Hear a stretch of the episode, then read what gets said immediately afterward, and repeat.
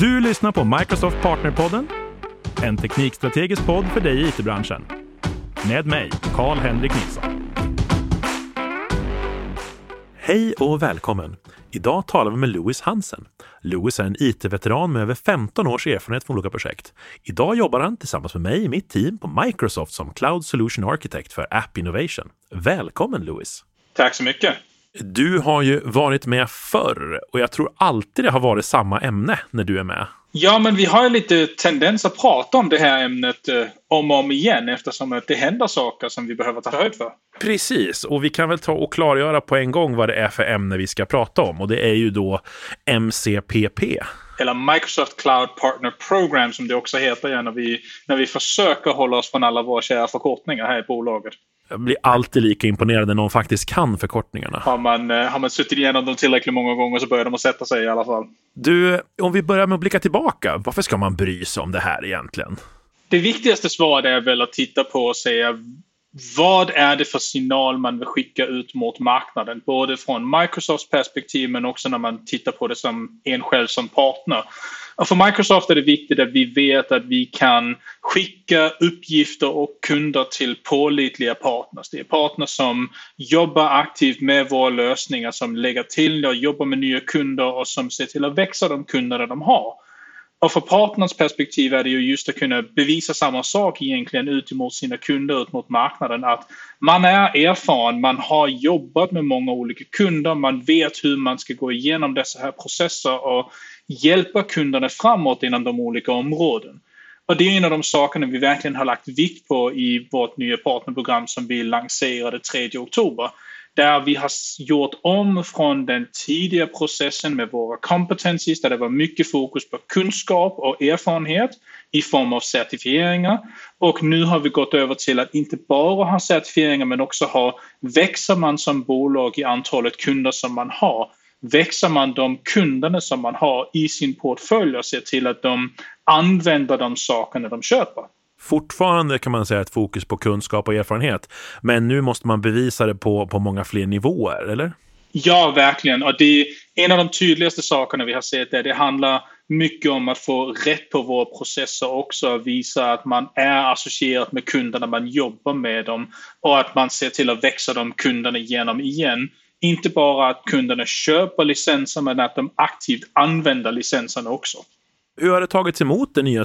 Vi har ju haft det, hur länge har vi haft det nu? Ett år? Vi gick ju live den 3 oktober men vi annonserade tillbaka i mars 2022. Så det är ju eh, nio månader som folk har känt till programmet i alla fall och det är ja, men drygt två månader nu som vi har varit live med programmet. Hur har det tagits emot? Det har varit mestadels positivt. Vi har haft några utmaningar, på, tekniska utmaningar på vår sida. Eh, våra partner inom business applications har tyvärr varit lite mer drabbade av det. Men vi har fått koll på det mesta och vi har fått bra processer för att hjälpa de partner som har varit drabbade. Utöver det så har det varit en, en, en positiv respons från våra partner som verkligen ser värdet i att kunna tydligt visa upp att man har erfarenheten och kompetensen av att jobba med kunderna och som sagt tidigare så hade vi 17 olika kompetenser. Nu har vi sex olika designations som de heter i nya programmet. Och det gör det enklare för kunderna och för partnerna att skylta med detta här är vårt kärnområde. Intressant att du tar upp just, det, just vad heter det, kompetensis och de här delarna. För jag fick en fråga från en ja, men ganska liten Microsoft-partner skulle jag kunna säga. Eller, eller om vi säger en, en Microsoft-partner som har ambitionen att bli en, ett stort företag, en stor spelare i Sverige, men som än idag kanske ligger på runt 50 anställda. Och, så här. och de menar på, är det värt att lägga ner all den här energin och ta det här för oss? Så här ska vi ta två hattar på oss vill jag säga. Den, den ena är ju från, från Microsofts perspektiv så ser vi absolut att det är värt det. För oss är det ett tydligt uttalande från partnerns sida om att vi är dedikerade inom detta område, vi är engagerade och kompetenta inom detta område och vi jobbar aktivt med kunder.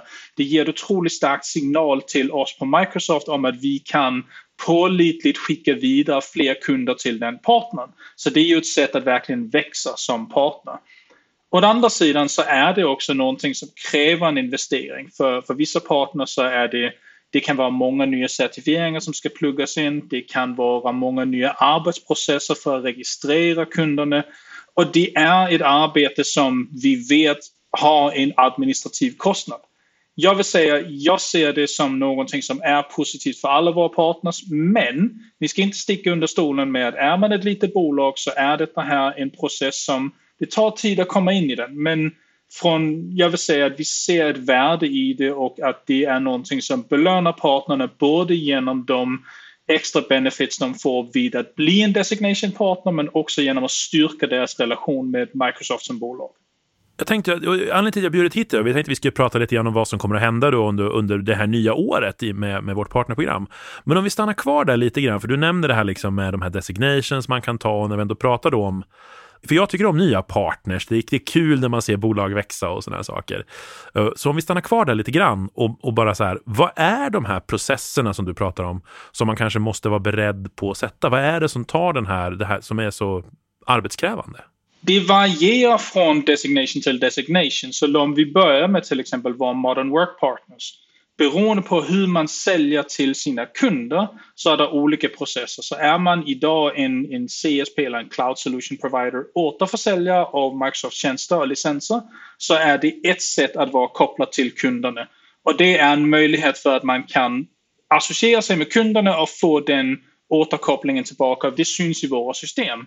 Men om man är ute och jobbar med kunder där man kanske inte har sålt licensen till dem men fortfarande hjälper dem med införandet av arbetet så har vi det som vi kallar för vår claiming partner of record eller C-på-associering. Och där ska man in som partner och vi har en färdig mall för hur man ska utföra sitt eh, Proof of Execution eller POE det ska fyllas i, det ska signeras av kunden, det ska signeras av partnern och sen ska det skickas in och valideras hos oss på Microsoft. Så det är en, det är en process som har en, en del administrativt krävande i sig. Men det gör också att vi är säkra på att när vi säger att den här kunden blir hjälpt av den här partnern så är det styrkt av både kunden och partnern. Det blir ingen tvekan om relationen där. Tittar vi istället på Azure så har vi att vi har vårt Partner Admin Link eller PAL som en associeringsmekanism. Och där ska man in som partner och aktivera kopplingen på de konton som man använder när man arbetar i kundens Azure Tenant. Vilket då också betyder att man ska säkerställa att man har rätt rättigheter för att kunna registrera den kopplingen. Man ska in och göra länkningen mellan sitt användarkonto och sitt partnerkonto. Det är ingenting som har en negativ påverkan på kunden. Det är ingenting som rapporterar någon information från kundens tenant annat än konsumtionsinformationen. Men det gör att vi kan tydligt se att den här partnern inne aktivt jobbar med och hjälper denna kunden och igen styrker denna associeringen mellan dessa två. Det är till exempel de processerna som kan vara lite annorlunda från hur man jobbar idag. Eller så kanske man redan gör detta och då blir det en enkel övergång och se att man redan får poängen i dessa områden. Vi kanske kan lägga med lite länkar också där vi skriver lite mer om hur man, hur man gör de här sakerna. För jag vet att det är ganska väl dokumenterat. I alla fall vet jag att på Azure-sidan är det, finns det mycket att läsa. Precis. Processen är enklare än den låter men det är oftast det, den viktiga delen är att få in det som en del av sina arbetsrutiner. Det kan vara där man, man känner att det blir några extra steg jämfört med vad man tidigare har gjort när man har gått ut och, och hjälpt kunden igång och nu måste man bevisa det lite mer. Men det är också det som gör att dessa här associeringsmekanismer är också det som gör att våra partners tjänar incentives. Så det är inte bara för återkopplingen på, i partnerprogrammet men det är också för att vi kan då ge ekonomisk stöd till de partnerna genom återbetalning av credits eller marknadsföringspengar som kan hjälpa dem att nå till fler kunder. Jag tror inte jag kan citera vem det var som sa det, men jag vet att en av våra consultingpartners en gång sa att ja, men konsulterna tidsrapporterar för att få lön av oss. Vi PAL rapporterar för att få lön av Microsoft. Det är inte helt fel, nej. Eh, så, eh, jag vet inte riktigt om den håller hela vägen, men eh, det är ett intressant sätt att tänka på det. Men okej, okay, har vi, vi har pratat lite grann om, om, om att vara partner och, och liksom hur det ser ut och så vidare. Och det är intressant. Men det är ett nytt år, det är 2023. Vad kan vi förvänta oss för nyheter från partnerprogrammet för de som redan är inne och driver och är aktiva partners? Jag vill hinna ta några av de sakerna som redan har hänt men som ändå är väldigt nya. Den, den viktigaste delen är vår Business Applications Designation som har fått, den fick förändringar just innan lanseringen 3 oktober. Så vi gick in och gjorde om så att det nu finns ett tydligt eh, SMB och ett tydligt Enterprise Track som man kan komma in och tjäna poäng på. Och vi har också ändrat hur poängräkningen ser ut och hur associeringsmekanismerna ser ut. Så jag vill rekommendera att jobbar man inom business applications så är det värt att ta en extra titt på dokumentationen. Som sagt, den har tidigare varit lite drabbad av lite felberäkningar så är det så att man upplever någonting konstigt så är det också viktigt att man rapporterar supportärenden inne i Partner Center så vi säkerställer att man blir tilldelad de poängen som man ska ha. Och skulle det vara någonting knasigt utöver det så är det viktigt att man tar kontakt till sin Microsoft-kontakt. Vem den närmaste kontakten nu än är till att börja den processen för att få det återrapporterat och korrigerat korrekt. Det som blir intressant när vi tittar lite mer framåt det är att vi nu här i 2023 går in i det första året där vi kommer att skulle rapportera förnyelse på våra specializations. Så nu har vi pratat designations tills vidare och det är det som har ersatt våra gamla competencies. Men vi har ju också våra specializations som bygger ovanpå dessa komponenter. Tidigare innan vi lanserade MCPP så kallade vi dem för Advanced Specializations, nu heter de bara Specializations. Men det är dags för våra partners här under 2023 att komma igång med förnyelser på dessa. Och fönstret för en förnyelse öppnar 60 dagar innan att man har sin förnyelsesdatum. Och där blir det då möjligt att gå in och validera att man lever upp till de kraven som finns. Hur vet man vad man har för förnyelsedatum? Det ser man in i sitt partnercenter och det är det är datumet som man tog sin uh, specialization ursprungligen och fick den tilldelad. Men det kommer synas väldigt tydligt inne i partnercenter under specialization-delen. Så det viktiga för folk är att under 2023 så kommer vi att räkna alla våra partners som har en specialization som varande på sin första förnyelse. Anledningen till att jag säger första förnyelse det är för att vi går in och har en alternerande process där det ena året så ska man valideras mot eh, grundkraven kan vi säga. Det är de mätbara kraven som man ska leva upp till innan man tar en designation. Och det är det här vi pratade om tidigare, att man ska ha ja, vuxit sin affär, varit med, arbetat med kunder, ha rätt certifieringar och så vidare. Precis, och man kan säga att de kraven som ligger på specialization ligger då steget över de som ligger på designations. Så där är det viktigt att man, man har det i åtanke också. Men när man har gjort en, när man har klarat över de kraven på sin specialization så har man också en auditprocess man ska igenom. Och den här tar man då, när man får sin specialization så har man gått igenom en sån audit och den utförs av ett tredjepartsbolag när vi pratar Azure Specializations. Och den utförs internt av Microsoft när vi pratar Modern Work Specializations. Men första året efter man har fått och ska förnya, då blir det en koll på lever vi upp till telemetrikraven, de här grundläggande kraven. Nästa året efter det så blir det att man ska ha en ny audit för att se till att man fortfarande lever upp till de kraven. Och har det varit några specialiseringar som har drastiskt ändrat sina krav så kan det vara att man får en delcheck redan på första året. För alla ni som är partner här nu så kommer det under 2023 att räknas som en första förnyelse även om ni har haft er specialisation i mer än ett år redan kan inte hjälpa att känna att det har blivit lite tuffare att vara partner sedan MCPP kom. Det har det absolut, men från andra sidan så hoppas vi också att det blir tydligt att vi belönar våra partners mer och att vi verkligen återspeglar den investeringen som våra partners gör i relationen med Microsoft.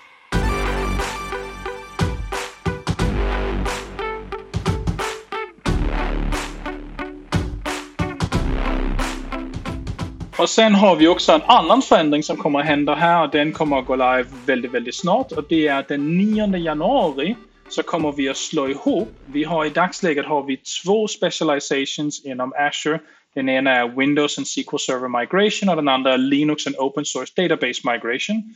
Det har varit lite förvirrande för vissa kunder och varför man landar i den ena kontra den andra eller vilka partner man ska ha tag i.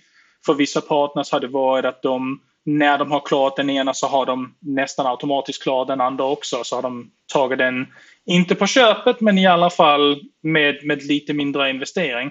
Så nu för att förenkla processen så kommer dessa två att slås ihop till att bli en specialization. Den kommer att heta Infra and Database Migration. Som sagt, den kommer att gå live den 9 januari.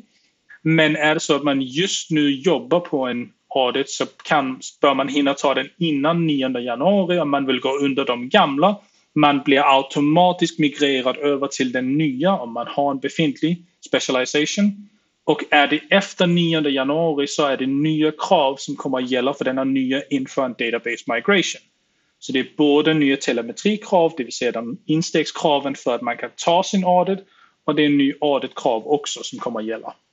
Okej, okay intressant. Har vi några fler specializations som har uppdateringar? Inte just nu faktiskt. Det är det här som är den stora nyheten här nu. Sen så jobbar vi ju kontinuerligt på att utöka med fler specializations efterhand som det blir relevant inom de olika områden. Och säkerhet är en av de områden som har utökat en del under 2022. Jag förväntar mig att vi nog kommer att se lite till inom det området också under 2023 med tanke på hur mycket fokus säkerhet fortfarande har inom alla industrier i dagsläget. Det verkar som att det är en otroligt ökad hotbild mot för tidigare år. Eller så är det att fler kunder och fler människor runt omkring i världen upptäcker intrång i IT-miljöer. Ja, det är många faktorer som gör att vi, vi lever i en, i en värld nu där det får mer och mer fokus. Och säkerhet är någonting som efterhand som fler och fler av våra system blir tillgängliga i, i moln och via internet och krävs att vara det för att skulle kunna fungera i ett modernt samhälle så blir det allt viktigare att man skyddar sig mot intrång både i form av de situationerna där intrångarna vill komma åt data som man har i sina system eller bara vill missbruka den kapacitet som finns för kanske att försöka att tjäna lite bitcoins eller vad de nu vill, vill komma undan med. Så det är, det är otroligt viktigt att man skyddar sina miljöer och dessa här partners som går in och tar våra security specializations blir de som vi kommer att peka på för att hjälpa våra kunder att bättre rusta sig mot dessa ökade hotbilder. Jag måste säga att det känns ju verkligen som att specializations och de här designations har är väldigt relevanta. Jag menar, vi har för containers och jag ser ju liksom det vi kallar cloud native, att det är inte bara containers, men det är en stor del av det. Liksom. Man ser det stor efterfrågan, data AI, säkerhet. Det är verkligen de här grejerna som, som man ser har exploderat. Precis. Och vi har ju också, inte att glömma de vi har för våra till exempel low-code application development som hjälper våra partners som försöker täcka upp för den här industribreda bristen på utvecklare som vi har. Att försöka hjälpa bolag att använda low-code, no-code lösningar istället för att komma runt de, sak, de bristerna, problematiska situationerna. Jag vill inte ens se det som en ersättning för bristen längre, för jag vet så mycket duktiga utvecklare som använder det bara för att det är så sjukt mycket enklare att göra integrationer med. Det är en annan sak också, ja. Det, vi, vi har ju haft en tendens att, att säga att, att vi jobbar med low code, no code för att vi inte kan få tillräckligt med professionella utvecklare som vi har kallat det tidigare. Men jag tror du har rätt i att det är någon bild som vi behöver uppdatera lite och faktiskt acceptera att low-code-lösningarna är inte ett är på inget sätt ett sämre sätt att leverera applikationer, det är bara ett annat sätt att göra det. Ja, men precis. Det känns, det känns som en applikation i mängden som används. Ja, det är en integrationsplattform, liksom, precis som BizTalk var back in the day. Ja, vi har ju pratat lite grann vad, vad, är som, vad som komma skall, men om vi, tittar, om vi försöker titta ännu längre in i framtiden, har vi någon, någon liksom bild av vad som kommer att hända? Som man, om det är någonting speciellt man måste förbereda sig för som partner? Den stora saken man måste förbereda sig för det är ju oktober 2023. Så ni partners som i dagsläget förlitar er på att tjäna in incentive som vi pratade om tidigare. Oktober 2023 är det datumet vi har fått tills vidare som är gränsdatumet för när man måste gå över på de nya designations och inte längre kan använda de gamla competencies för att tjäna sina incentives. Så det betyder att har man inte kommit över i designation-programmet innan dess så är det viktigt att man ser till att komma upp och få sin designation. En annan sak som är värt att lyfta upp det är att om man är i den situationen när man har just förnyat eller står just inför valet och ska förnya om man inte har kommit upp i de poängen som krävs för att kunna få en designation så kan man förnya på sina legacy benefits som de heter. Man får sina internal usage rights och de andra benefits därigenom. Och när man då under den kommande perioden tjänar upp de här 70 poängen som man behöver så kan man omedelbart aktivera en designation. Man får inte de nya benefits, de måste man vänta till nästa förnyelsedatum.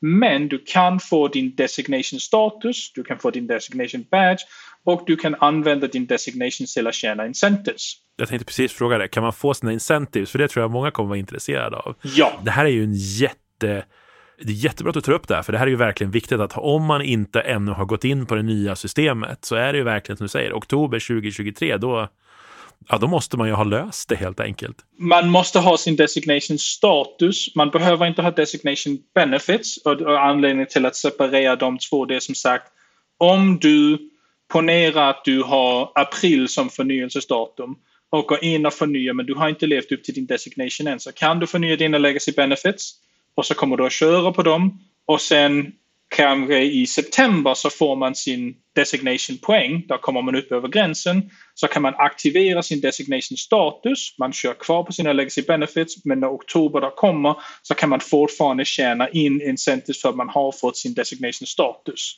Och håller då det till fram till april nästa år när det är dags att förnya igen. Vi har ju pratat ganska mycket om den förlåt, administra sidan av att vara partner. Jag tänkte också om vi skulle, skulle bara nämna lite grann, kanske det som partners gör mest, vilket ju är faktiskt levererar och, och säljer och, och, gör affärer, liksom, kodar. Skriver den fina koden som någon gammal kollega till mig brukade uttrycka det som. Vad ser vi i Marketplace och vad händer i, i liksom affärsdelen av eh, partnerskapet? Vi börjar bli tydliga för oss att det är vissa områden där vi har behov av fler partner som kan vara aktiva. Så ett område är till exempel inom containerisering av lösningar där vi verkligen upplever att det, det finns utrymme för fler partner som kan gå in och hjälpa till. En annan sak är att titta på kan man som partner gå in och kombinera vissa av de produkterna som vi från Microsofts sida erbjuder till en samlad upplevelse.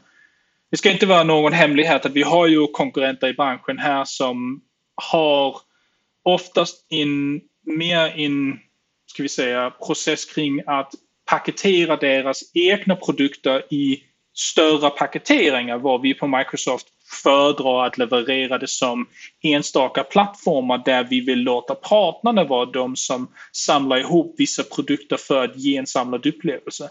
Så ett exempel skulle kunna vara att man som partner går in och tittar på hur man kan använda GitHub Enterprise, GitHub Codespaces och Azure Deployment Environments för att höja utveckla produktivitet och kunna möjliggöra att de kan leverera snabbare vi levererar det som tre separata plattformar men det är ingen som hindrar en kreativ partner att gå in och ta de tre och samla i en paketering och sen leverera det till kunden. Nej, precis. Och vi brukar också ofta gärna bara vilja sälja från ett cloud. För jag tänker mig precis den här lösningen du beskriver där. Jag menar, det är ju ingen som hindrar dem från att lägga på till exempel eh, Windows 365 eller liknande produkter också ovanpå det här för att, för att skapa ytterligare fler så här integrationspunkter där man kan bygga lösningar på. En annan sak som vi också ser ett behov av det är nu har Azure har ju funnits ett tag nu och vi har varit igenom några iterationer med hur vi både vilka produkter vi levererar från vår sida men också vilka rekommendationer vi ger för hur man bygger lösningar på våra molntjänster. Vänta nu, tänker du säga att Cloud Workers inte gäller längre? De har gått i, i extended support och är, de finns fortfarande för de som behöver dem. Men vi ser nog att det är ett behov av att man moderniserar bort ifrån dem för att verkligen att kunna dra nytta av mycket av den nya funktionalitet och integration som vi erbjuder i andra lösningar som till exempel container apps eller container instances, functions, app services och liknande. Den största saken som vi ser att, att vi, många kunder kan ha behov av det är hjälp att fortfarande hålla flexibilitet i deras arkitektur så man träffade, man tog ju vissa val när man byggde sin, sin befintliga plattform. Och man gjorde det utifrån den bästa informationen man hade vid det tillfället. Men mycket har ju förändrat sig sen man har tagit de besluten säkert.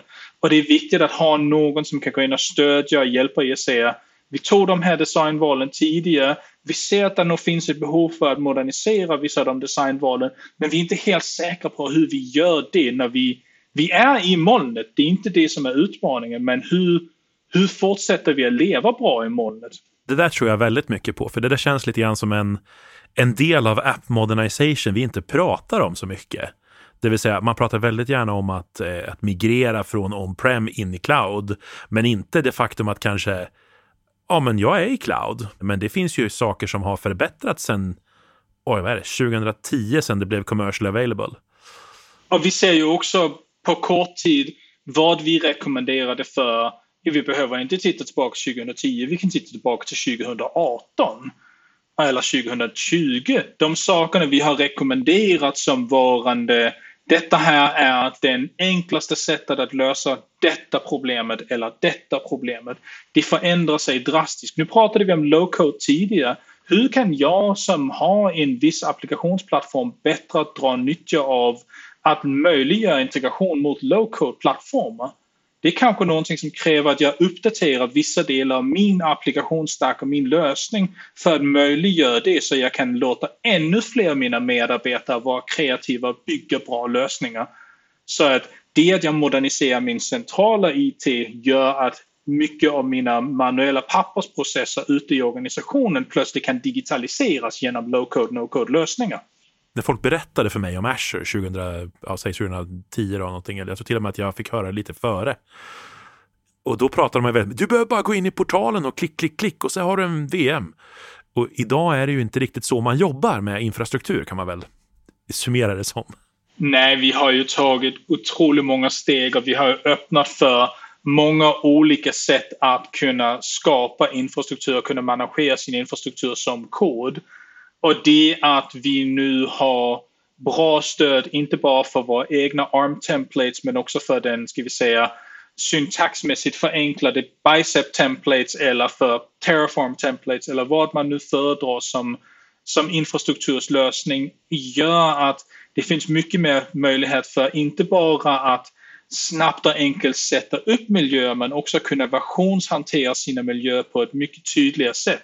Och vi pratade om säkerhet tidigare. Detta här är ju också ett område där vi verkligen får underskatta värdet av ja, men, hur säkerheten blir påverkad av att man inte nödvändigtvis vet hur infrastrukturen är konfigurerad. Men om jag kan säga utan tvekan att min infrastruktur är precis så som min definition säger den ska vara. Det är ingen konfiguration som har manuellt förändrats. Så blir det också mycket lättare för mig att skydda min infrastruktur. Så här har vi igen en, en koppling till att automatisering och infrastruktur som kod handlar inte bara om att vi snabbare ska få upp vår infrastruktur. Det handlar också om att ge oss en, en trygghet i att det vi tror kör i vår miljö är det som faktiskt kör. Det är ju tyvärr inte helt lika enkelt att bara gå in och titta på vilka server det man har stående i, i serverrummet längre. Nej, precis. De eh, befinner sig ju oftast lite, lite närmare kunderna. Superspännande, och även precis det vi pratar om nu, just för det här med att, eh, att optimera de här sakerna. Jag ser så här att folk börjar bygga erbjudanden kring auditprocesser och sådana här grejer där man använder det här, precis som du säger, för att man ska kunna veta exakt vad det är man har. Ja, men exakt. Och vi har ju också sett, eh, här har vi ju också ett bra exempel i Microsoft Purview som går in och tittar på vilka datakällor är det du har i din, i din organisation och hur bör du skydda dem. Men vet man som kund hur man använder det här verktyget och kan man hur kan man få stöd till att verkligen både konfigurera det rätt men också tolka resultaten och sen bygga relevanta säkerhetsprocesser ovanpå det och hantera den informationen man får ut av sådana verktyg. Det är ju verkligen här vi ser ett otroligt stort värde i våra partners. Och tillbaka till poängen här också de sakerna, när ni levererar den typen av lösningar till kunderna så är det vi ser att vi kan associera de partners till de kunderna, tillgodoräkna den konsumtionen, ni tjänar incentives och det tickar in på era designations också och hjälper till att bidra till att bli redo för specializations åt det hållet också. Fantastiskt mycket kloka ord. Jag ser att tiden i vanlig ordning springer iväg när man sitter och har trevligt och spelar in podd. Superstort tack för att du var med idag Louis och jag, jag hoppas vi kan eh, lägga med lite länkar för de som vill, både vill bli partner och de som vill utveckla sitt partnerskap så kan ha lite trevlig läsning framöver. Stort tack och ha en eh, fortsatt trevlig dag. Tack samma.